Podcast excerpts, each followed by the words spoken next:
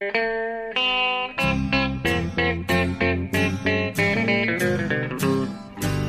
out there, we're on the air. It's hockey night tonight.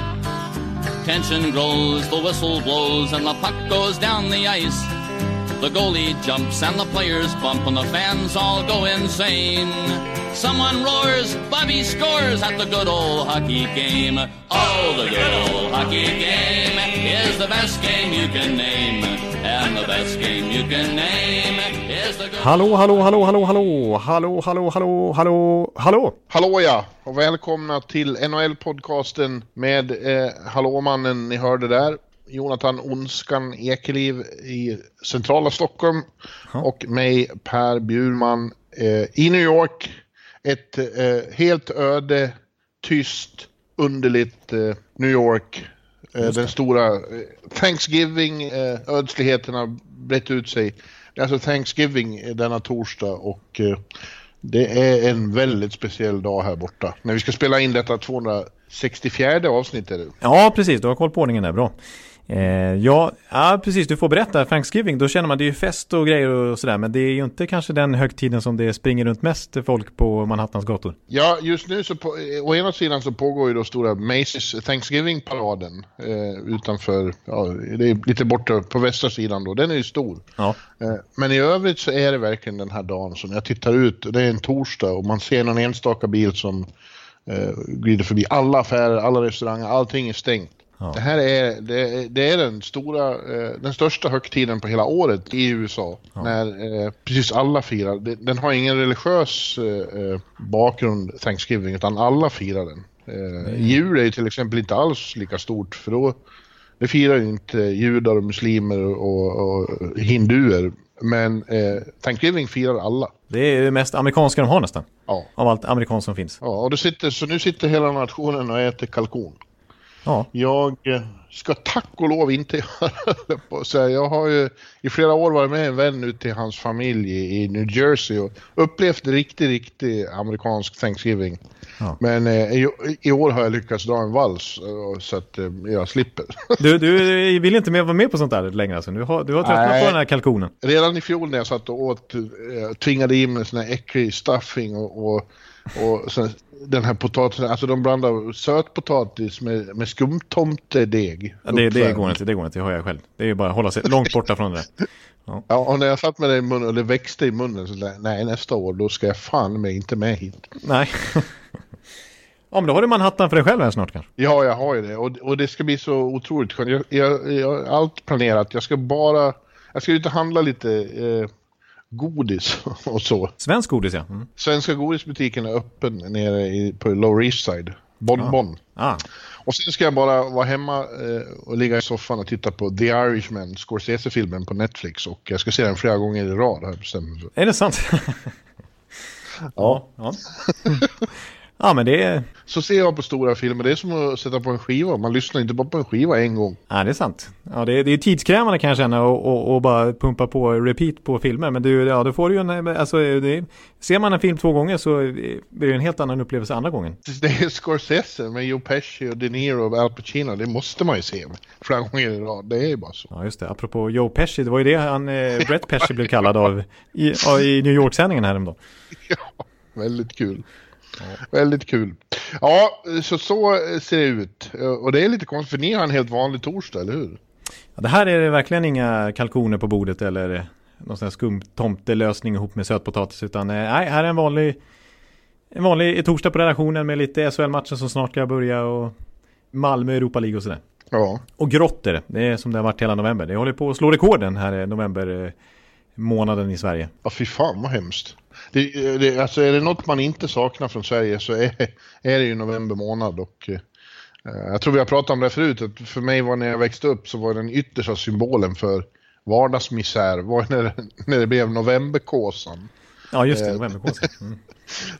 Och, de visade den alltid på Sportspegeln. Man sa att nej, den livar upp någon söndag och man skulle få se lite elitseriehockey som det hette då och, och, Ja. och något bra eh, Jan Svanlund-reportage eller något sånt där. Ja. Nej, nej. Då, då, då kommer de. Och nu har vi eh, enduro. Novemberkåsan nere i, i någon jävla skog i Småland. Och Ja, man. Jag är inte intresserad av motorsport. Eller Man ser ändå ingenting för kameran, linsen är täckt av lera sen direkt liksom. Ja, alltså jag såg det. Det har ju blivit en grej nu. Så i, och nu är den alltså i helgen i Sverige. Eh, månadsskiftet här i, i Eskilstuna-trakten. Ja. Skog, lera, folkfest står det. Nej. Ja, vi ber om ursäkt till er lyssnare som, som, kommer, som tycker om denna novemberkåsa. Men det är... Ja, tyvärr, jag såg någon som twittrade också här, häromdagen att eh, jag som är uppväxt med Nintendo 64 så här. Att eh, eh, november, det är, det är som sista bossen. Ja. Det är tuffaste uppgiften, det är det yttersta provet liksom. För att se om man klarar att bo i Sverige. Ja. Ja, ja. Men eh, vi ska väl överleva ändå, Jonte? Ja, det gör vi. Har, vi försöker pigga, liva upp tillvaron med, med vår podd här då för att eh, det finns ju inte, det är inte ont om ämnen att tala om just nu för den som följer NHL. Nej, verkligen inte. Det, är, det borde ju vara lunk och så här, men nej, det har, nyhetsmässigt så händer det hur mycket som helst. Så det är ju, vi får nästan eh, liksom sålla lite i ämnena. Ja, det är faktiskt. Det, det bruk, så brukar det inte vara. Man, den här tiden händer det ju att man, vad fan ska vi prata om nu då? Ja, precis. Och så blir, hittar man på någon lista eller sånt där. Men det har vi inte tid med nu. Nej, det har vi inte. Eh, för att, eh, ja, och, och, och, det är bara att sätta tänderna i det här. Eh, framförallt på coachfronten då. Ja. Det är rest och rättarting som nu äger rum i, i coachkulturen får vi väl kalla det. I, i NHL i allmänhet men, men ja, hockey överhuvudtaget här borta. Ja, kanske till och med sprider sig till Sverige. Alltså det känns som att det är en damm som har brustit lite grann. Ja, i och med avskedet av Babcock då så eh, började det sippra ut stories om hans sätt att vara mot eh, spelare. En viss sorts spelare han inte tycker om. Och det, man fick ju bekräftelse på saker man har hört mellan raderna liksom. Eh, mm. Om att han inte har varit någon särskilt behaglig att ha att göra med. Och, och det i sin tur då utlys, utlöste, ja, det, man tror ju att vi bara är i början av det här än. Ja. Eh, men eh, hans, hans eh, nära förtrogne Bill Peters hamnade ju snabbt i fokus. Ja. För att eh, framförallt den här killen som har spelat i Sverige också. Nu får jag skämmas som inte har hans namn på tungan. Akim Aliou, ja precis. Han var en ja. sväng i AIK, han har varit i Karlskrona och så i Panten dessutom. Så att han är verkligen ja, svensk koppling på det viset. Men ja, precis. I kölvattnet av Babcock-avslöjandena, eller de som kom fram där, eh, så, så gick ju eh, Aliou ut och sa att Peters, när, när, vi, när jag hade honom i, i Rockford AHL då för 2009-2010 någonstans, så blev man ju kallad för n-ordet vid upprepade mm. tillfällen och bara för att Peters inte tyckte om hans musiksmak i omklädningsrummet. Ja. Eh, musiken som spelades där. Han hade ju sagt fruktansvärda saker om den musiken. Eh, ja. Eh, var helt bizarra saker till och med. Ja, precis. Var på detta liksom vidimeras av tidigare lagkamrater och sådär? Ja, man, det, var, det var ju illa nog eh, att anklagelsen kom, men man tänkte att det här måste, vi måste höra fler sidor och att de inte bara har någon personlig konflikt som, som den här spelaren nu vill utnyttja tillfället. Men det bekräftades ju som sagt dagen efter av andra och nu har det bekräftats av honom själv också. Ja. Eh, men det har ju kommit fram samtidigt andra anklagelser. Vi, eh, så, om när han var i Carolina så har, han ju uppenbarligen slagit spelare i båset till och med i huvudet. Ja, precis. Så det är inte bara verbala smockor utan det är ju fysiskt våld i princip. Och det har ju också bekräftats. Ja. Det är ju, den, som först var ute med det på Twitter det var ju Michel Jordan. Eller Michael Jordan som man så gärna vill säga. Men det är ju en tjeck som nu spelar i KHL. Som var i Carolina under Peters första tid där och som, som skrev då att nej, jag blev ju slagen och sparkad på bänken under match. Ja. För eh, ja. när han inte tyckte om mitt spel. Och andra spelare också. Eh, och det här i sin tur har ju bekräftats av Rod Brindamore, den nuvarande tränaren i Carolina. Som vi har hyllat så mycket och som var assisterande till Peters under många år. Att, ja, han sa ju liksom att det här hände. Eh, mm. Och det var något som hanterades internt då. Så att det ska tydligen ha upphört då. Efter att Ron Francis, då var general manager, haft möte med, med Peters och sådär. Och att det inte fortsatte sen. Men nu såg jag nyligen också att ägaren då mm. Carmanos eh, som var innan då Tom Dunn som rattar Carolina nummer men han var ju sur i, så, i sin tur nu på Francis. Varför, sa, varför hanteras det här internt? Varför var det inget som sipprades ut? Inte ens till mig som ägare varför fick jag inte reda på att Peters beter sig på det här sättet? I så fall hade, hade jag sparkat honom på en nanosekund ska man. ja jag såg att han sa det. Ja. ja låt mig säga då eh, inte för att säga vad var det jag sa eh, Jonathan men eh, jag skulle vilja säga att jag är, i det här fallet har varit a good judge of character som bekant så, så, så, har inte jag varit förtjust i Bill Peters. Nej, precis. Vi har ju diskuterat Bill Peters, eh, inte bara nu i, i fjol, framförallt då när, när, när, du och jag har clashat lite i, i vår syn på honom, utan redan under Carolina-åren. Så ja. var du eh, negativt inställd mot honom och hans persona. Jag får erkänna att jag trodde ju verkligen inte att eh, det var så här illa. Alltså det har inte jag haft någon aning om. Jag har ju bara uppfattat honom som väldigt arrogant och eh, fyrkantig och eh, otrevlig. Och det, det började med den här Eddie Leck-historien när han gick ut och, och, och såga Eddie i, i tv helt uh, opåkallat. Ja, stenhårt liksom, en lång ja. harang. Mm. Men sen i samma veva så var han ju faktiskt otrevlig mot mig när jag var där. ja. Mm. Hånfull, arrogant. Eh, jag ställde helt oskyldiga frågor om, eh, jag började med, det var en liten klunga som stod där med bara lokalreportrar och jag. Mm. Och det i sig är, är liksom en lite intimidating situation i sig. Uh, när, när, man är helt främmande och andra står där och känner varandra. Och, och, men jag tyckte det var så ofarliga frågor så det skulle inte vara någon fråga. Jag började med att säga, du, det var ju när de hade så mycket svenskar där. Ja, just det. Mm. Och jag bara, uh, coach you got a, a lot of, jag sa att jag var från Sverige då, så you, mm. you got a lot of uh, Swedes here. Han avbröt. We do? The mm. Swedish players on the team? Och, och liksom inte på något så här skojsätt utan otrevligt. Och de andra började fnissa. Och så när jag skulle fortsätta prata så, så höll han på sådär liksom. Så att jag skulle känna mig riktigt... Eh, Dumförklarad? ja. Jag var liksom hånad där och, och han bara korta svar och, och, han signalerade att det här, vilka idiotfrågor, vad är det här för idiot som ställer, ställer de här idiotfrågorna? Så det var ju, det var ju otrevligt liksom. Ja, Ja, som sagt, och jag har återkommit till det också. Det är min eh, betydligt eh, kortare sekvens med honom. Men när vi var i Carolina där 2017 så eh, då kom jag in lite sent till presskonferensen. Då fick man ju mördarblicken från Bill Peters. Då var det bara att stänga igen och, och inte gå in på den där presskonferensen. Så, men det tycker jag i och för sig man kan förtjäna. Ja, det kan man förtjäna. Det, är nog mer, det säger nog mer än mig kanske än om Bill Peters. Det är att komma sent.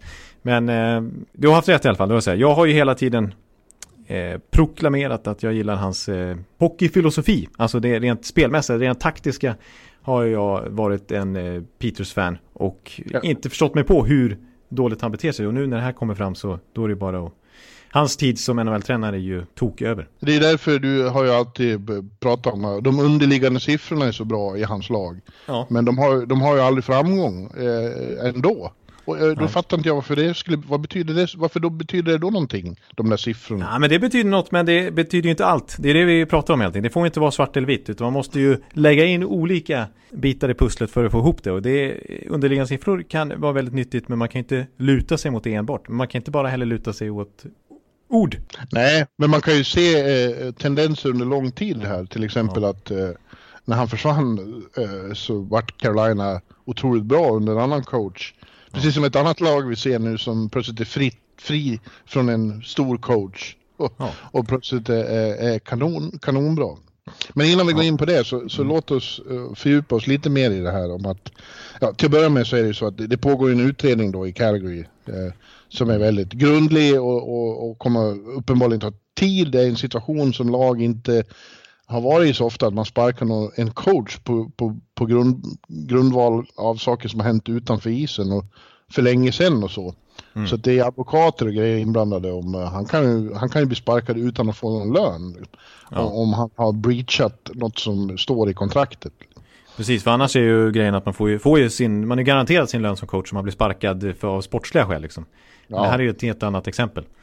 Ja, det finns ju alltid någon sån här klausuler i kontraktet om, om, att man måste hedra klubben och man får inte liksom eh, beteendet får inte skada klubben och så. Nej. Och det där är ju som advokater nu håller på att hägla över säkerligen. Ja. Så det är en, en, men alltså det är ju omöjligt att se Bill Peters komma tillbaka och stå i båset. Det skulle vara sån katastrof PM-mässigt för Calgary och för NHL och publiken skulle ju bara sitta och vråla åt honom. Ja. Uh, som jag skrev i, i någon krönika, om, om inte uh, Brad Traveling, säger man så? General Manager. Traveling eller travel, Treleving. Treleving, ja. Ja, om inte han tar det beslut som måste tas så kommer ju Gary Bettman att göra det åt honom med all säkerhet. Ja, ja det är på den nivån nu liksom. Ja. Eh, och, ah, alltså jag gillar inte riktigt heller Peters ursäkt. Även om han skriver att han sincerely apologize och eh, mm. alla som har tagit illa upp eh, vill han verkligen be om ursäkt sådär. Men eh, ja, det är ändå lite den här arroganta tonen ändå känner jag i hans statement där liksom att det här hände, ja det var ju decade ago de här anklagelserna från LO. Och han nämner inte ens honom vid namn. Så att han, Nej, exakt det var framförallt illa att han inte nämner den som har anklagat honom ens vid namn. Liksom, och, och, och tar ju inte heller upp äh, alls äh, mm. den här incidenten i Carolina. Liksom att Nej. han slår Precis, som också har bekräftats. Så det är någonting han borde bemöta också. Det indikerar ju att han tycker det var väl, det var väl detsamma. Det får, måste man väl få göra. Men mer, mer än äh, äh, den här enskilda, äh, det här enskilda fallet med Peters. Mm. säkert försvinner han. på ena eller andra sättet har vi sett honom för sista gången i ett NHL-bås, det är jag övertygad om. Mm. men det viktiga i det här är ju egentligen inte hans privat, enskilda fall och inte heller Babcocks som, som ju nu, det, dels stänker ju det här på honom för att som sagt Peters är en av hans eh, närmaste, en mm. epigon som de jobbade ihop i Detroit men har ju känt varandra långt, långt innan dess. De är två gamla vapendragare. Ja. Mm. Och, och Babcock eh, tror jag också vi har sett för sista gången. Eh, dels för att det stänker på honom, dels för eh, de här storiesarna som börjar sippra ut om honom också, de är inte riktigt så här allvarliga. Det är inga rasistanklagelser mot, mot Babcock, men att han har behandlat folk väldigt illa. Ja, vi kan bara...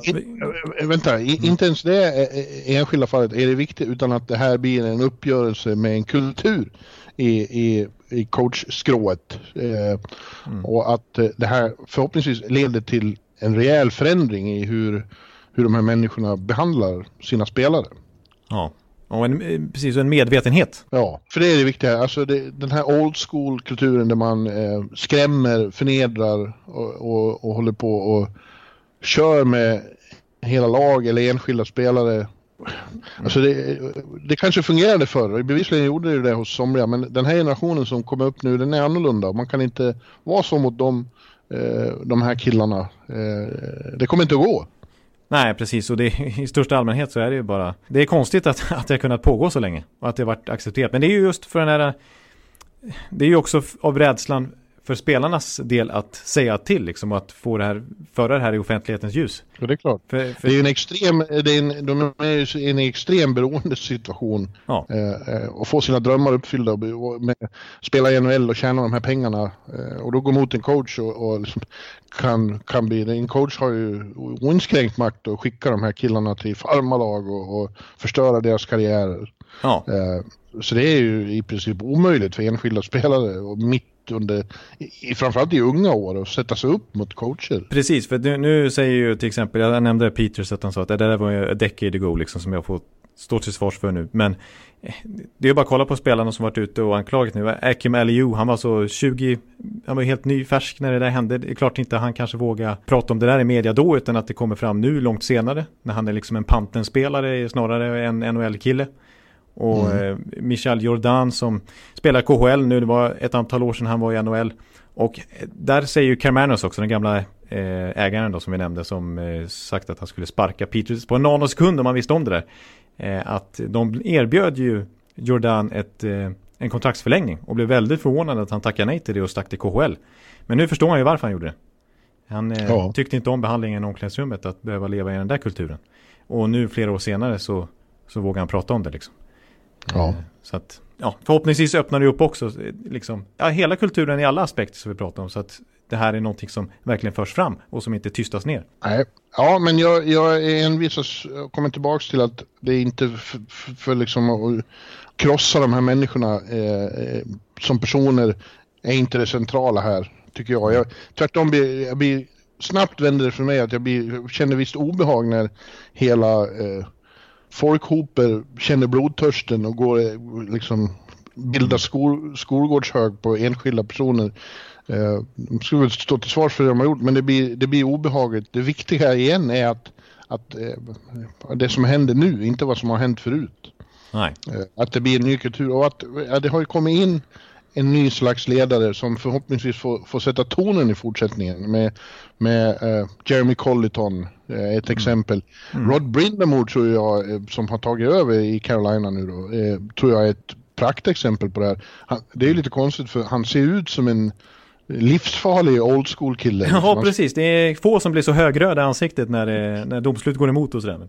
Ja, och liksom ser ut som en Hollywood-skurk. Man blir rädd för honom. Men, men uppenbarligen har ju han ett helt, ett prov på ett helt annat slags ledarskap. Eh, Lukas Wallmark sa ju flera gånger under slutspelet, vi älskar honom. Ja, ja precis. Han är, han är en av oss och, och tror på kommunikation och, och liksom eh, omtänksamhet och lyssna och, och, och, och att spelarna är med och tar beslut och så att de verkligen, eh, man skrämmer inte utan man, man får dem att prestera eh, sin bästa hockey genom att få dem att må bra. Ja. För, rent logiskt så tycker man väl att ja, det är väl självklart liksom. Ja, men det är verkligen så. Det, och det är den här nya generationen som säger. Så jag kommer ihåg att jag pratade med Jeremy Colleton inför förra säsongen. Då var han fortfarande AHL-tränare. Men ja. om hans ledarstil och hans ser på hockey och sådär. Och han som bara är 34-35 år gammal. Eh, och då pratar jag om det att liksom, den här nya generationen och det faktum att det fokuseras mycket på kommunikation och att, att han kallas för players coach är, ju ett ja. begrepp sådär. Men han pratar ju också om att visst, det är ju jätteviktigt att ställa krav fortfarande. Det handlar inte om att curla spelarna och att de ska känna sig bekväma. Det handlar om att vara human och visa respekt. Och liksom sätta upp ramar som, som man följer. Men det handlar inte om att, sparka och slå och mobba om man inte följer med. Utan Nej. i hans fall, det som var hans främsta vapen för att liksom få folk på rätt kurs igen, det var ju istiden. Liksom. Eh, om man inte följer de regler som vi har satt upp som lag, ja då får man inte spela. Eh, men Nej. han kommer inte slå dem, han kommer inte skälla ut dem. Utan det är, det är, upp till dem att, att göra som laget kommer överens om för att utvecklas som spelare och för att utvecklas som lag. Och inte hålla på med de här jävla idiotiska mind games som en viss sorts uh, old school coacher har trott så mycket på liksom och, och sprida förvirring och oro genom att vara liksom uh, underliga liksom och, och ge gåtfulla besked och så. Ja. Ja, men, och att, de, och att de inte pratar med dem alls inte kommunicerar.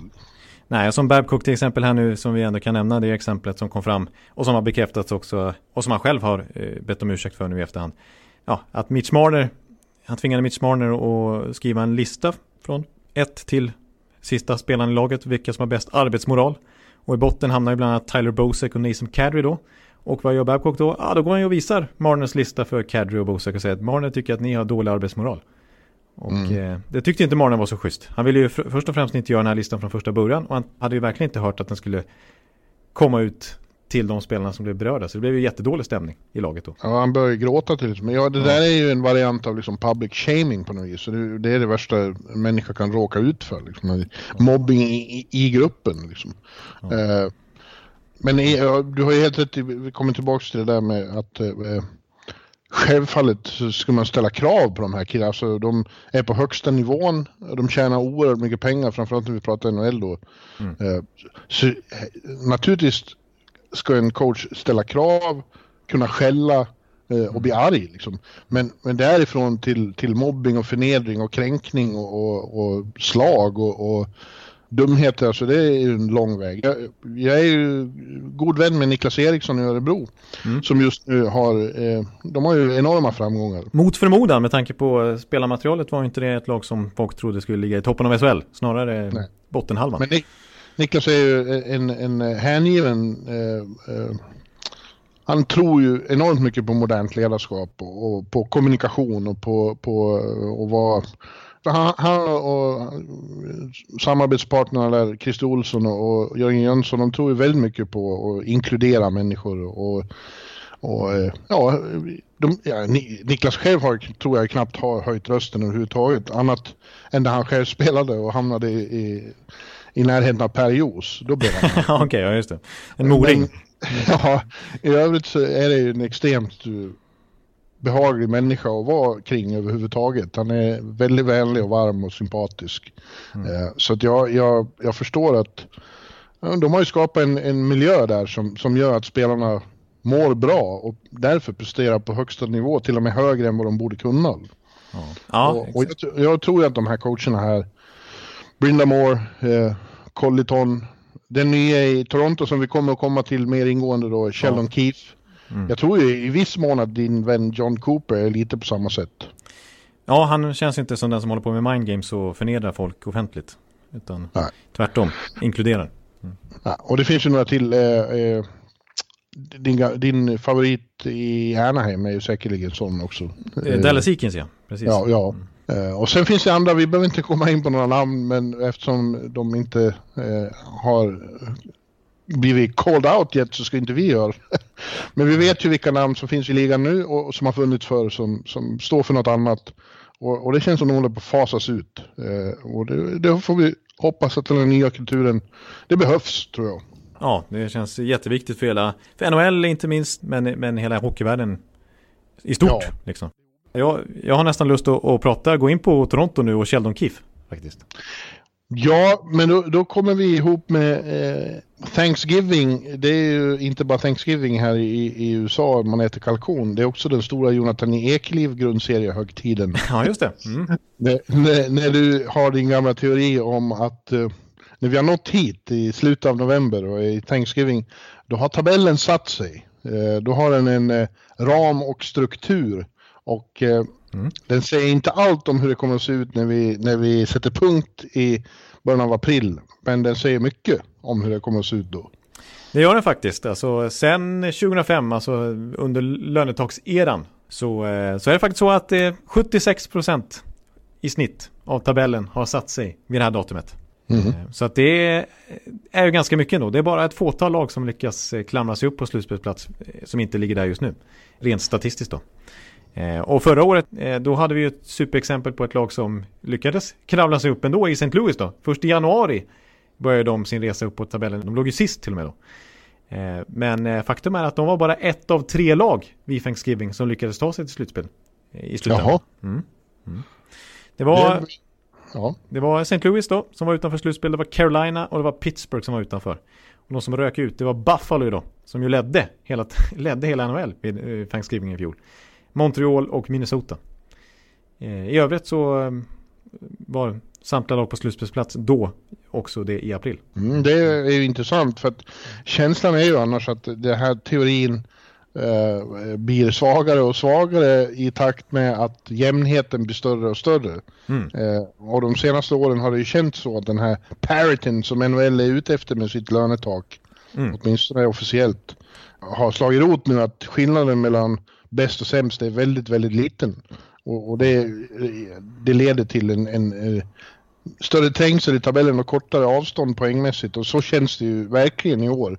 Det är mm. extremt trångt i kön uh, under strecken Jonathan. Så ja. det känns som att det här kan inte komma att stämma lika mycket i år. Nej, det var därför jag var tvungen att kolla i fjol för jag tänkte det borde ha liksom varit uh, större rotation då. Uh, ja, men, det, jag, det håller jag med om. Det trodde jag också. Men nej, du ser. Det här datumet är det har betydelse alltså. Det har betydelse. Mm. Så det kom... betydelse. Ja, men, men, om du tittar bak, bakom i, i, i öst till exempel, det är ju så jävla trångt. Ja, jag väst ja. ännu värre nästan. Ja. Ja, det är fruktansvärt jämnt alltså. Det är lag på, ja man är ju fem, sex placeringar från slutspel, bara man är två poäng eh, från strecket egentligen. Så det är ju en det är ju jättekö liksom. Ja, men låt oss börja med hur den ser ut nu då idag. När det mm. bara spelas en match för alla andra lag sitter och äter sina kalkoner och blir förstopp, får förstoppning och inte kan spela imorgon när det är Black Friday urladdning. Eh, de, I öst då, de åtta lag som är på slutspelsplats där. Eh, vi har ju tre per division och så två wildcard-lag då. Mm. Metropolitan har vi Washington 1, Islanders 2, Pittsburgh 3. I Atlantic har vi Boston, Florida, Toronto och så Carolina och Philadelphia då på, på wildcard-platser. Mm. Det betyder ju att till exempel eh, Tampa inte är där. Nej, det gör ju att jag inte gillar min egen teori. Men, eh, men det är ju som du... Men då är återigen får jag påtala att det är väldigt jämnt. Eh, men mm, vi får se om, om det löser sig. De har ju dock betydligt färre matcher spelade. Tre, fyra matcher färre än de flesta lagen. Ja, de är alltså en poäng eh, nej nu ska vi se, två poäng bakom Toronto som är trea då i Atlantic. Mm. Eh, med fyra matcher färre spelare än Toronto, så visst. Mm. Men det, det är konstigt, den, halt, den är konstig på det sättet tabellen att eh, det är väldigt många fler eh, Metropolitan-lag som, som eh, Går det bra? Eh, ja, alltså både Carolina och Philadelphia hade ju varit eh, tvåa tvåa i Atlantic om de hade spelat där. Ja, och ändå ligger de på wildcard nu liksom. Ja, och sen trycker ju faktiskt, eh, ja, det är många som trycker på bakifrån där. Rangers till exempel nu efter tre raka segrar. Ja. Uh. Är med i racet. Ja, det är... Det är tre lag som jag är helt säker på Ja. Av de här som går till slutspel. Och det är Washington Islanders och Boston. Mm. De känns som de har liksom det övre skiktet i, i östra konferensen De ja, är bäst. De känns för stabila, de känns så färdiga som lag. Och de pumpar ju på och tar poäng liksom var och varannan match. Även om de inte ens spelar bra. Eh, och de har gjort det under hela hösten här nu. Eh, så mm. jag håller med om det. Alltså Boston går och slår Montreal med 8-1 trots att de inte ens har Patrice Bergeron i laget numera. Det, mm. Men eh, eh, också då, låt oss komma in på Toronto eftersom de, eh, det är ju i ögonen fallande. För en vecka sedan eh, innan de hade sparkat Babcock så var det ett krislag. De hade förlorat hur mycket som helst i rad och gled ut för i tabellen. Mm. De sparkar honom, får in Sheldon Keefe. Nu är de trea i Atlantic med tre raka kanonsegrar. Med. Och är tillbaka, de är uppe på, på, på slutspelsplats igen och eh, känns ju som att eh, ja, något enormt hände ju där för, för det här laget. Precis, för det är ju inga, du säger kanonsegrar, det är det faktiskt. De har ju varit på en borta turné och mm. jag menar, slå Colorado är starkt, slå Arizona som var som hetat just då knappt släppte in ett mål. Eh, och så då körde över Detroit fullständigt nu på bortaplan här om natten med 6-0. Eh, ja. Ja, det är någonting som har hänt och, och som sagt Sheldon Keefe, det, det, det, ska vi säga att coachbyten kan ju i, i regel ge en effekt oavsett då eh, storyn som har hänt dessförinnan. Men ja, det är känslan av att eh, Sheldon Keefe, eh, dels i hans person men också liksom spelfilosofi är betydligt mer kompatibel för det här laget är byggt. Och de verkar ja. välkomna honom med öppna armar i spelargruppen. Ja, jag har ju de senaste dagarna sedan det har hänt och tjatat om att i, eh, det är lite för tidigt att prata om en Sheldon Keefe-effekt ändå. I, I första hand tror jag det här är Äntligen slipper vi Babcock-effekten. Ja, ja, snarare. som, som, som verkar, de, de sitter väl delvis ihop, men, men eh, eh, att, de, att de är liksom fria och de har ju, det har man ju hört, de säger också att eh, mm. de känner sig friare, de får använda sin skicklighet på ett annat sätt eh, och de har mycket roligare på isen direkt. Mm. Eh, men det, det sitter såklart ihop med, då med att Keith tillåter dem vara så också än. Och mm. inget tyder på att han kommer att ha någon annan filosofi i framtiden. Han, han tror ju på den här, han tror ju på att använda deras skicklighet och kreativitet. Och, och Bygga upp dem snarare än att riva ner dem ja. mentalt. Mm. Ja, och spela offensiv hockey och det är, det är den totala motsatsen mot Babcock hockey. Exakt, för det finns massa exempel tycker jag redan på det som har kommit fram sista veckan här. Till exempel när, mellan matchen i Denver och den i Detroit så hade de ju faktiskt ganska många dagar, dagar off och då kunde de åka hem till Toronto och träna lite.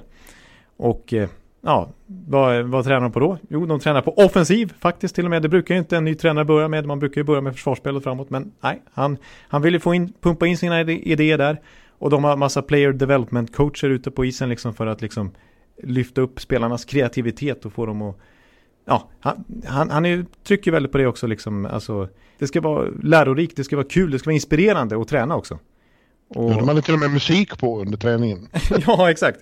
Precis, och det är nyckelord också, att de ska vara engagerade. Han vill ju att mm. spelarna ska ta för sig. De ska, tycka, de, de ska själva vilja ta initiativ och sådär. Fatta vilken, vilken, vilken, vilken nästan kulturchock för dem. Vad underbart det måste kännas. Ja. Efter att ha levt i en, i en, i en, under en tyrann. ja, för det är ju, kan man ändå kalla Babcocks eh, taktik lite grann. Ja. Ehm, Marner till exempel, alltså bara hur han uttrycker sig. Nu vill de ju fortfarande inte riktigt eh, såga Babcock sådär, men han säger ändå liksom mellan raderna så läser man ju att han eh, man säger till exempel att han ser fram emot resten av säsongen och skönt att ha den här tiden förbi. Jag vill inte kommentera den mer. Typ så. Det, säger, det... Ja, men det, det, det är väl lika bra. Liksom. Precis, exakt. Och det, och det vittnar ju ändå om att de är fria nu. Att det här blir, att det här blir mycket roligt. Att det blir en nystart för dem som, som grupp. Mm. Ta en sån som, eh, det är ju enskilda spelare som plötsligt har liksom blommat ut. Tyson Barry som var en, en prestigevärvning för Dubas. Mm. Eh, har ju haft det jävligt jobbigt under Babcock. Han mm. försvinner och gör en mål i match. Ja, precis. Och flyttas upp till första PP där han ju, han är ju en PP-back liksom. Det är ju offensiva ja. situationer han ska använda, så det gjorde ju inte ens Babcock. Och eh, Nylander, ja. som har varit extremt bra sista veckan här. Och visserligen över en längre tid nu faktiskt sista veckorna, men det känns som att han har lyft sig en nivå till nu. Och till och med Toronto-media börjar skriva nu att han lever ju upp till pengarna. Alltså 6,9 miljoner dollar för Nylander om man spelar som den senaste veckan här. Då är det då är han nästan underbetald till och med, uttrycker de det. Ja. Man undrar ju hur en sån som Babcock reagerar nu. Han måste ju sitta någonstans och titta på tv ändå. Eh, och se det här. Att de gör tvärt emot mina instruktioner och det går underbart bra. Ja, ja det måste ju vara lite knäckande ändå. Ja, jag tror att han tänker att ja, men jag försökte lära dem som man ska spela när det blir slutspel och så. Ja. det här kommer inte att hålla. Eh, Den här typen av figur är sig ju inte och bevisar, känner sig överbevisade på något vis. Nej, precis. Han sa ju bara några dagar innan han fick sparken att I will always bet on Mike Babcock. Mm. Så jag tror inte han har reviderat den synen ändå. Trots vad som har hänt eh, sedan dess. Men jag vill säga också, Keefe, vi har pratat mycket om hans eh, kommunikativa förmåga och det här, liksom, hans stil. Och trots allt så är ju han faktiskt sprungen ur den kanske allra grövsta formen av old school mentalitet. För när han var, vi pratade lite om att han spelade i Tampa förra veckan och sådär, men innan dess som junior så hade han ju en helt eh, riktigt hård stämpel på sig för att han ingick i det lag som David Frost ledde som är helt ökänt det juniorlaget. Eh, som visserligen var framgångsrikt, vann OHL och sådär, men de betedde sig gräsligt och David Frost som coach var manipulerade sina spelare och hade relationer med deras familjer och, och, och ja, jätte, det var sektliknande kallas det till och med och Sheldon Keefe var ju kapten för det laget och följde sin tränares order bland annat så när de hade vunnit hela mästerskapet där så och skulle eh, skaka hand med ligakommissionären. Nej, då gjorde han inte det, skakade inte hand med, tog inte hans hand utan sa istället This will burn your ass. och sånt där. Så att Keith hade en fruktansvärt, eh, fruktansvärt stämpel på sig då och var ju liksom extremt sammankopplad med Frost och den filosofin. Eh, men eh, ja, när han kom upp i liksom och mogna och kom in i proffskarriären så började han mer och mer distansera sig från honom. Och eh, till slut bröt all form av kontakt och inte ens sett honom, liksom pratat med honom eller sett honom sedan 2007 tror jag. Och har ju hämtat inspiration i sitt ledarskap utifrån de erfarenheter han aldrig vill uppleva igen. Eh, då, utan han har, det är därför han kanske är ett så tydligt exempel som, som motsats till just den typen av filosofi. Lite som eh, på, i, i, i lite miniatyrversion är kanske Brindamore i Carolina då som ja. befri, fria spelarna där. Precis, och som har haft eh, tvingats lyda Peters order i, i flera år dessförinnan. Liksom. Mm. Ja. Ja, det ska bli väldigt intressant att, att, att följa. Det är väl nästan det intressantaste som händer nu och se vad som händer med Toronto. Liksom. Ja, precis. Alltså hur, hur, vad det här kommer leda till och hur, hur mycket de kan utvecklas. För just nu känns det som att nu börjar det här lagbygget förlösas. För det går inte ja. att förneka att det finns en väldig massa offensiv potential här. Ja, absolut. Normally, being a little extra might be a bit much, but not when it comes to healthcare. That's why United Healthcare's Health Protector Guard fixed indemnity insurance plans, underwritten by Golden Rule Insurance Company, supplement your primary plan so you manage out of pocket costs. Learn more at uh1.com. Eh, men eh, för att komma tillbaka till det Ekeliv... Eh, Tabellen. Eh, doktrin. Ja. Så tror jag fortfarande, ja, jag, jag vill hävda att, att Tampa kommer tas upp där. Jag tror att Montreal fortfarande, de har sett bra ut. Jag är inte hundra på Pittsburgh än, jag, men ja, de har sett väldigt bra ut också. Uh, Ja, jag, och jag, jag börjar få en, en, känsla av att Rangers faktiskt kan vara med och trycka på mot strecket. Ja, du tycker de ser så pass bra ut ändå? Ja, när de är bra. De är ju konstigt lag på så vis att när de är på, på sin högsta nivå så är de eh, faktiskt jävligt bra till och med. Mm. Ja, de har slagit starka motståndare under hösten. Men när de, när de vevar igång sin offensiv och, och, och får tillfälle att göra det, då, då hör det till de mer explosiva offensiver jag sett eh, faktiskt i år. Mm. Mm. De har ju haft enorma problem med, med sin lägsta nivå dock. Ja. de, de, har ju åkt, hamnat i dalar där, de ser ut som Larsbo. oj, oj. Ja. men, men de senaste matcherna, de har vunnit tre raka här och kommit tillbaks. Det, jag tror att, det, det, jag tror att en, en, en match som definierar det här laget och har gett det en ny identitet var när de kom tillbaks från 4-0 underläge i Bell Center förra helgen. Mm. Eh, jag tror att den, den, kan få enorm betydelse och nu, nu har det blivit färre och färre av de här dalarna och använder all sin, sin skill på rätt sätt. Ja. Men ja. när vi ändå är inne på det så måste vi, måste vi, vi faktiskt nämna uh, i, i veckan här Mats Zuccarello-matchen. Uh, det tycker jag. Mm. Han återkom ju då för första gången sedan han var borttradad förra säsongen så återkom han nu då med Minnesota Wild.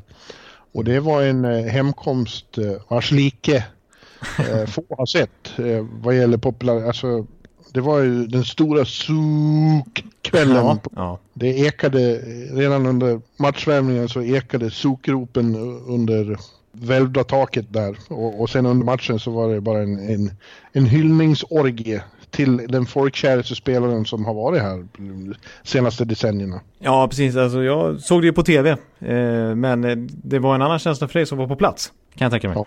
Ja. Eh, för att rapporterna som kom och som ändå sipprade ut lite grann genom tv-rutan. Eh, det, det var ju att det var något extra liksom. Att det var en extra lång stående ovation. Och att Zuccarello liksom vågade inte riktigt eh, liksom ta emot hyllningarna först. Men till slut gick det ju inte. Han måste ju ut på isen och, och Ja. vinka lite under det där powerbreaket till slut. För att eh, det var ju så pass, han var ju så pass älskad liksom.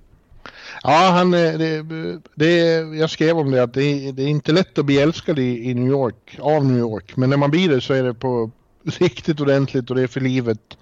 Och eh, han var ju extremt populär, Mats. Eh, av alla liksom, även av sina lagkamrater. Men han har ju, det finns ju många skäl till det. Han är en artist på isen, han är en stenhård kämpe, han är minst i ligan och ändå så tuff, han viker sig inte för någon. Han har liksom varit en underdog som kom sent och kämpade sig in. Eh, tuffa hinder. Men också att han har sån älskvärd personlighet. Han är ju rolig och, och vänlig och, och liksom Sympatisk. kul. Sy- extremt sympatisk. Alla blir ju liksom eh, lite förälskade i, i. Eh, Och eh, det har skinit igenom även för fansen då. Så att, eh, eh, ja, det, var, det var väldigt... Eh, jag tyckte det var rörande att se. Själv så tyckte han, han fick han erkänna nu efteråt att han fick kämpa med att hålla tillbaka tårarna. Ja, nej, jag, jag, det var... Det var något speciellt och det var, man väntade sig ju det, att det skulle vara en, en extra hyllning och det var därför man var extra sugen, jag som objektiv supporter, och, och se just det där också. Men att, att det blev så pass som det blev, eh, det säger ju Ja. väldigt mycket om Zuccarello. Roligt var ju dagen efter spelade de mot New Jersey när de kom ut där så började det eka Zook-ramsor där också.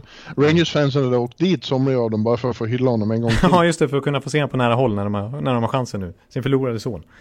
Ja. Ja, precis. Och just det också att han, han ville ju verkligen inte lämna själv. Han uttryckte sig hela säsongen där om att han var, han var nedstämd för att han visste att han skulle bli tradad från Rangers. Han ville så gärna förlänga, men det var ju ett klubbledningsbeslut då. Ja. Så att det, han har ju verkligen, det var ju verkligen ingen skilsmässa på det viset. Ja. Ja men du, nu tittar vi på eh, väst då. Genom genom eh, Ekelivska, eh, vad heter det, mikroskopet. Och det är ju lika jämnt där, om inte jämnare. Eh, det, där har vi nu då de åtta lagen i, i Central. Så har vi St. Louis, Dallas, Winnipeg. De tre första. Pacific är det Edmonton, Arizona, Vancouver. Och så har vi Colorado och Vegas på uh, wildcard-platser. Utanför slutspelet just nu har vi sådana som Calgary, San Jose, Nashville, Anaheim, Chicago, Minnesota, Los Angeles. Eh, och det är trångt i kön. Precis, det är samma sak här. Vegas på 28 poäng, sista wildcard-platsen har bakom sig. Calgary 28, San Jose 27, Nashville 26, Anaheim 26, Chicago 25. Det är liksom, det är ju, det är ju kö här också. Så att det är precis den här, min eh, teori har mig svårt att den ska gälla igen, men det är, ja. Eh, och just när det är sådana lag som Nashville utanför, vi har Calgary, San Jose, det är ju sådana här contenders liksom. Ja. Det är ju lag som går för att vinna Stanley Cup. Det är inte, Ja. inte bara att ta sig till slutspel. Och jag är övertygad om att de kommer att trycka på hela säsongen, E- Ekan. Eh, Men vi får ju titta på det här i april och får komma, får komma ihåg det här. Ja. Så kan du gå omkring med en medalj på redaktionen och säga jag hade rätt igen. ja, nej. Som sagt, 76 procent. Mm. I, eh, I 15 år har det sett ut så här. Ja, men det är ju, å andra sidan, det är ju en väldigt rolig tabell för att det är lag som man inte kanske trodde skulle vara där vid det här laget. Winnipeg har ju överraskat stort på slutet med tanke på vilka problem de har haft. Eh, att de, det- dels under sommaren, så många försvann, men att det har varit så mycket problem med skador och, och, och trubbel med, med Bufflin och så. Nu är de trea ändå i Central. Ja, och spelar ganska bra faktiskt. Jag måste säga att där ska Paul Maurice ha cred, som har varit ute och snackat mycket om modernt ledarskap faktiskt också. Han har ju tillhört lite old school generationer, men har, han har ju faktiskt försökt anamma en mer modern eh, le- kommunikation liksom. Mm. Eh, och, och han eh, har ju sagt också att nu när vi som backsidan ut så måste vi förändra vårt spel lite grann och bli lite mer defensiva och tråkiga visserligen då. Men eh, att det är ju det som gör att de är bra. De är svårspelade nu Winnipeg. Trots en på pappret väldigt tunn backsida. Jag tror att Paul Maurice, jag, jag, jag tror att han är rätt bra. Alltså, han är ju så jävla rolig när man träffar honom i mediesammanhang. Det är den, den klart mest underhållande av coacherna här. Ja, och sen taktiskt skicklig är han ju också. Alltså, det var ju en superduo faktiskt eh, i Team Europe. En eh, väldigt kort turnering visserligen, men det de lyckas åstadkomma där, han och Ralph Kruger. Kruger med sin motivational liksom förmåga och så Paul Maurice med sin alltså förmåga att nå ut med taktiska direktiv till spelarna. Mm. Ja, jag, tror, jag tror att han kanske har tagit lite av Krugers mentalitet med sig också sedan dess. Dallas pratade vi väl en del om redan förra veckan har jag för mig. Men Mm. Nu, de, de fick ju en eh, sju matcher lång segersvit. Eh, sen fick de stryk back-to-back. -back. Det var väl mot just Winnipeg det. Och Chicago? Nej, det var Chicago var det. Mm. Chicago, mm. förlåt. Mm. Men Dallas har ju sett eh, skitbra ut och nu när de har fått tillbaka Klingberg och eh, Rupert Hintz också mm. så börjar verkligen Dallas leva upp till din och min eh, hype förra säsongen. Ja, precis. Nu är de ju där eh, en ansenlig poängsumma och skugga St. Louis regerande mästarna om eh, topppositionen i NHLs svåraste division. Så att, eh, ja, jag håller med. Spelmässigt är det ju riktigt bra. Nu börjar faktiskt offensiven komma igång lite grann och framförallt har ju defensiven funkat extremt bra den sista tiden nu, sista månaden. Man är det lag som har släppt in minst antal mål i hela NHL sedan de började vinna matcher igen. I slutet av ja, oktober. Sjukt. Eh, precis som i fjol så äh, gränsar ju båda målvakterna, Ben Bishop och, och Kudobin. Ja. Ja, ja det är ju supermålvaktspar. Men eh, Pacific, de, Pacific trion är ju mer eh, spektakulär faktiskt. Eh, att Edmonton, Arizona, Vancouver skulle vara ettan, tvåan, trean vid det här laget. Eh, ja, det trodde vi kanske inte, Mr Ekeliv. Nej, precis. Vi höjde väl ett varningens finger. Jag, jag trodde faktiskt inte så mycket på Edmonton. Trots nykommet Dave Tippett där och, och men jag tyckte inte att deras förstärkningar var tillräckliga spelarmässigt för att några små justeringar, att Holland skulle komma in som general manager och tippet på bänken för att det skulle liksom vända på skutan. Men spelmässigt så är de ju bra nu. De är ju, mina underliggande siffror talar ganska gott för dem också. Framförallt är det ju två spelare som driver det där laget enormt tydligt och gör liksom 70% av målen. Men nej, de är starka, de är, de, är, de är ju svåra att möta eh, som lag eh, betraktat faktiskt. Eh, mm. Så att de kan mycket väl eh, jag har svårt att se att de ska ramla ner hela vägen, att de ska göra en Buffalo nu. Och, Nej, och det, det tror inte rasa jag ihop. Utan Nej. de, de, de är lite, håller ihop lite för mycket som kollektiv för att, för att det här inte ska bära sig nu. Och de känns inspirerade också när de märker att det ger effekt. Ja. Att, att det här spelet funkar. Samma sak med Arizona, men jag vet sen vi gjorde tv-inslag igår, eller en tv-timme med frågor och så att mm. Vancouver tror du inte riktigt på än. Alltså jag, jag tycker att de är underhållande, att spela bra, att det finns väldigt positiva ingredienser där och vi kan få se kanske ytterligare utveckling under årets gång här på Pettersson, på Horvath, på eh, Queen Hughes och så vidare, hela unga kärnan där.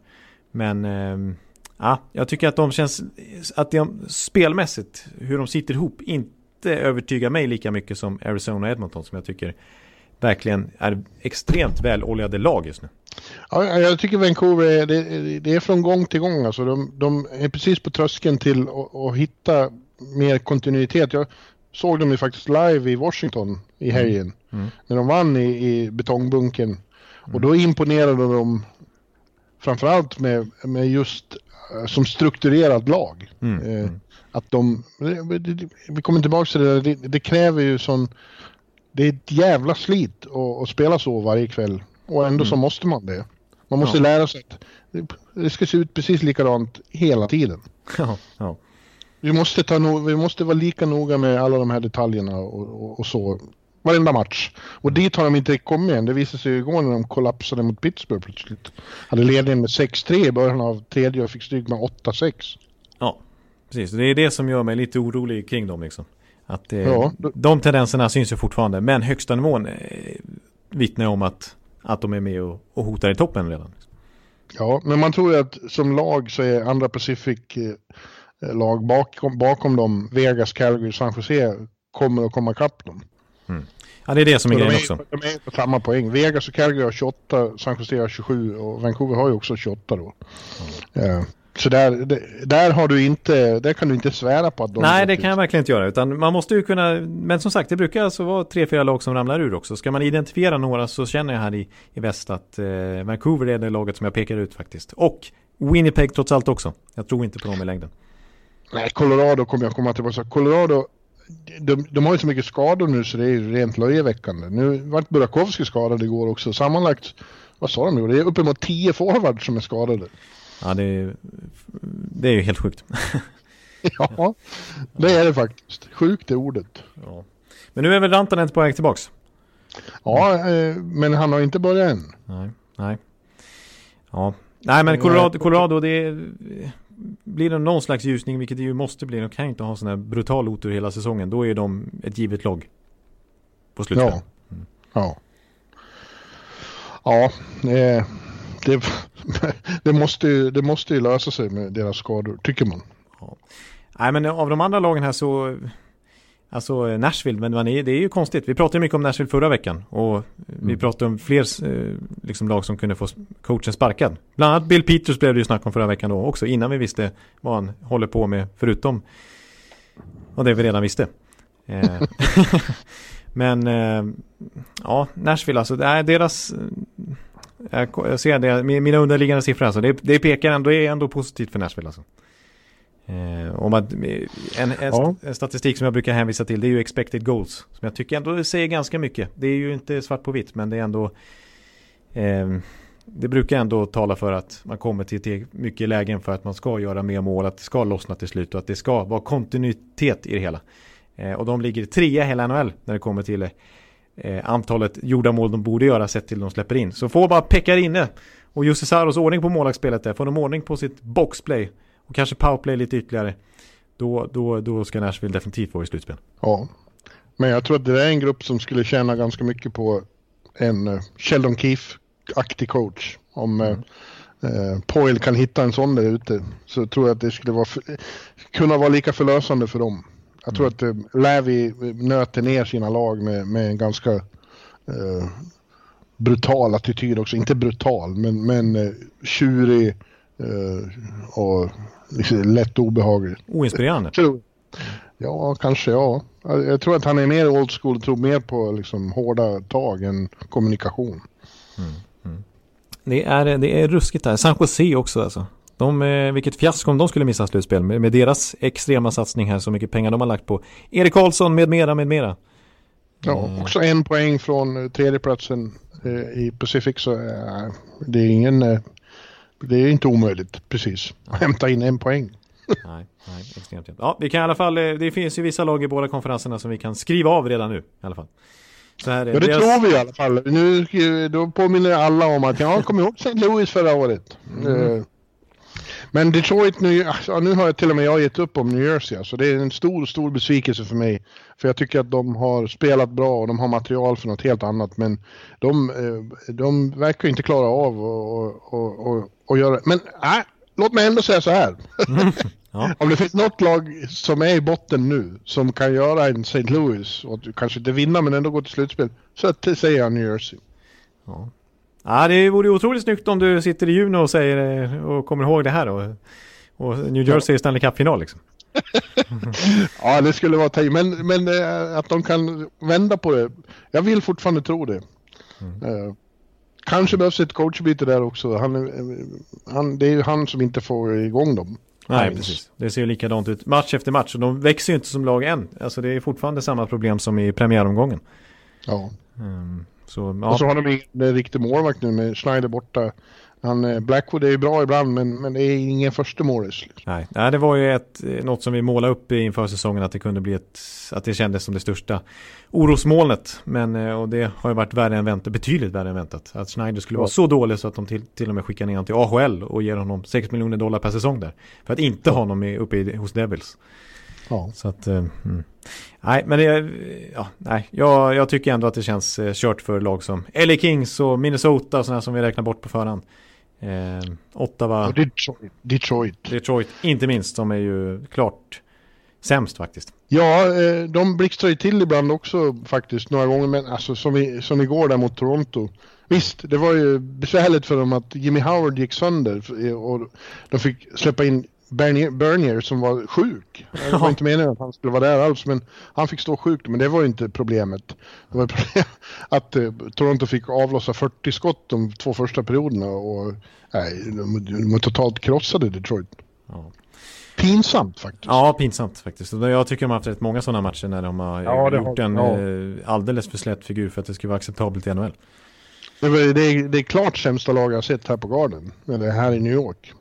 Utan tvekan. Ja, det, mm, du ser. Nej, men eh, nej, annars... nej, nej jag, jag, slår, jag, jag fortsätter att säga då att eh, nej, det blir bara tre, fyra lag här som, eh, som tar en slutspelsplats till slut. Ja, du kanske har rätt i det. Alltså. Även om jag, ja, jo. jag tycker sånt som Minnesota och Chicago ändå har liksom visat väldigt goda tecken på slutet. Mm.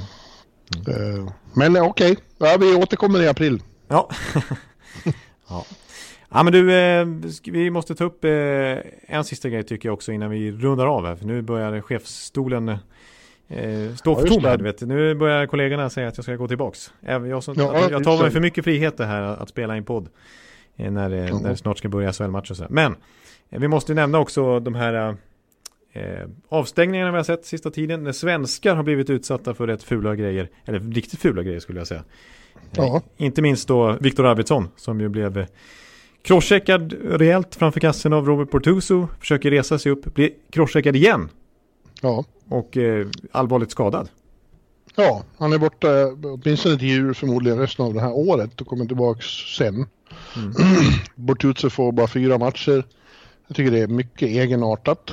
Ja. Eh, en återfallsförbrytare, han borde ha fått tio minst för att markera att det här är inte okej. Okay. Nej, för det är trots allt ganska tydligt uppsåt att skada när man Dels den första crosschecken, visst det är mycket sånt framför mål och vissa kan ta värre än andra men när man, när man ser att han har ont och han försöker resa sig upp och återigen smäller till han. Ja. Liksom ja. nådastöten. Ja, det, är, det är riktigt fult. Man ser att Viktor liksom har ont. Ja. Uh, och kommer en till smäll. Ja. Och en, och en eftersläng av uh, Winnington också. Ja, precis. Som att, ja, exakt. Som att bekräfta att det verkligen vill eh, göra honom illa liksom. Ja, exakt. Det är en känsla man får att det, jaha, är det här, uh, nu är vi ute efter att skada här. Precis, är det ett hockeyplay eller är det en ren attack liksom? Ja, så där gjorde de bort sig igen. Player safety som de tenderar att göra. Jag tycker att det varit väldigt för lite också på, på uh, din Tampa-kompis Erik Körnak. Ja. Som sätter en armbåge i huvudet på Rasmus Stalin så Rasmus åker på en hjärnskakning. Det är bekräftat direkt att han har hjärnskakning. Ja, och Körnak två sketna matcher. Medan Rasmus då kanske inte kan spela på länge. Ja, och just på grund av det här alltså som vi har pratat så mycket om och som ligan har pratat så mycket om framförallt sista åren med huvudskador. Att det är något ja. som måste bort från sporten. Visst, det är omöjligt att ta bort det helt eh, så som hockeyn ser ut och så snabbt som det går och den utrustning som finns så kommer man aldrig komma från det helt. Men eh, då måste det ändå tas krafttag mot det man kan göra. Man kan markera mot armbågstacklingar i huvudet. Det ska inte accepteras. Och även om inte Sörnak än så länge är en återfallsförbrytare utan det var första gången han blev avstängd så är det en så pass ful förseelse och så tydlig tydlig skaderisk att det måste, sånt måste undvikas och måste ge konsekvenser mer än två matcher. Liksom. Är han en ful spelare annars? Liksom en hårding? Han, han är ju en hårding Sörnak, det är en tveklöst. Han kallas ju laget för Drago. Jaha. Han är ju den mest vältränade i laget och stenhård. Eh, finns ju några klipp när han puttar bort spelare på träning med en hand. Så att han, det finns ju kraft. Men när man tar till armbågar i huvudet på spelare då blir det en annan sak. Då, är, då handlar det inte om att vara hård. Då, då är det en ful grej. Så att, sånt kan han absolut inte fortsätta med. Och det skulle rendera till en betydligt hårdare avstängning än två matcher. Ja. Är han, är, han rent av som jag satt och läste om Brindamore igår. När Brindamore var ung och de fick lov att låsa gymmet för honom. För att han var galen i att träna. Ja men det är väl åt det hållet alltså. Han är en riktig träningsnarkoman höll jag på att säga. Träningsprodukt. Mm, ja, Brindamore är ju the bod som man kallar det. Så att han var helt besatt av av uh, träning. Han spelade stenhårda matcher och sen gick raka vägen till gymmet och körde sådana ohyggliga pass där. Så att uh, först försökte de släcka så att han skulle gå därifrån. Det hjälpte inte, men de fick hänga, sätta hänglås på gymmet. ja, du får inte träna. Skärp nu. Nej, Nej jag, nej, jag kommer att tänka på då, det är ju faktiskt Jaromir Jagr Eh, det, det, finns många exempel och Chara kan man nämna förstås också. Men jag kommer ihåg när Jäger var 40 bast här och spelade en sketen eh, träningsmatch inför hockey-VM på Hovet. Eh, en match som inte betyder någonting.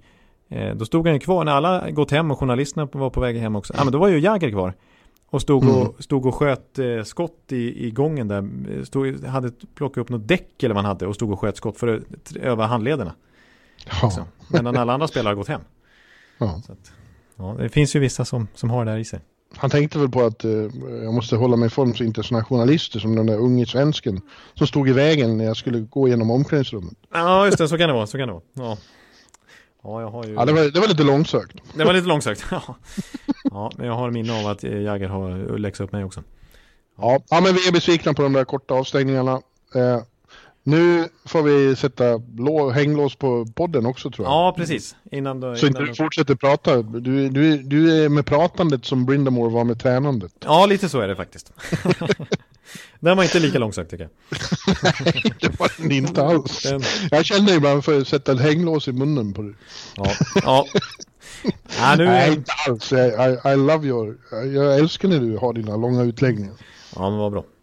Ja, men eh, vi tackar för den här eh, pratstunden då och alla ni som har lyssnat. Ja, nu, nu ägnar vi oss åt Turkey Day i, i det öde New York. Som sagt, jag ska åka och köpa svensk godis. Ja. Och kolla på en eh, viss film här nu i, på Flera repeat. gånger. idag. Ja. Den är tre och en halv timme lång så det kommer att ta sin lilla Oj. tid Ja. se den några gånger. Ja, nej, men eh, vi önskar lycka till med det. Och, eh, så, och happy Thanksgiving då. Ja, Happy Thanksgiving och så laddar vi för Black Friday urladdning för det blir jättemånga matcher på goda svenska tider dessutom hyggligt under fredagen. För det är ju en liksom klämdag här så det heter duga. Eh, och där kommer hända saker som vi pratar om även nästa vecka säkerligen. Ja, Yes, för då är det på återhörande helt enkelt. Eh, Vi tackar för avsnitt 264 nu. yes. Adjö, adjö. Hej!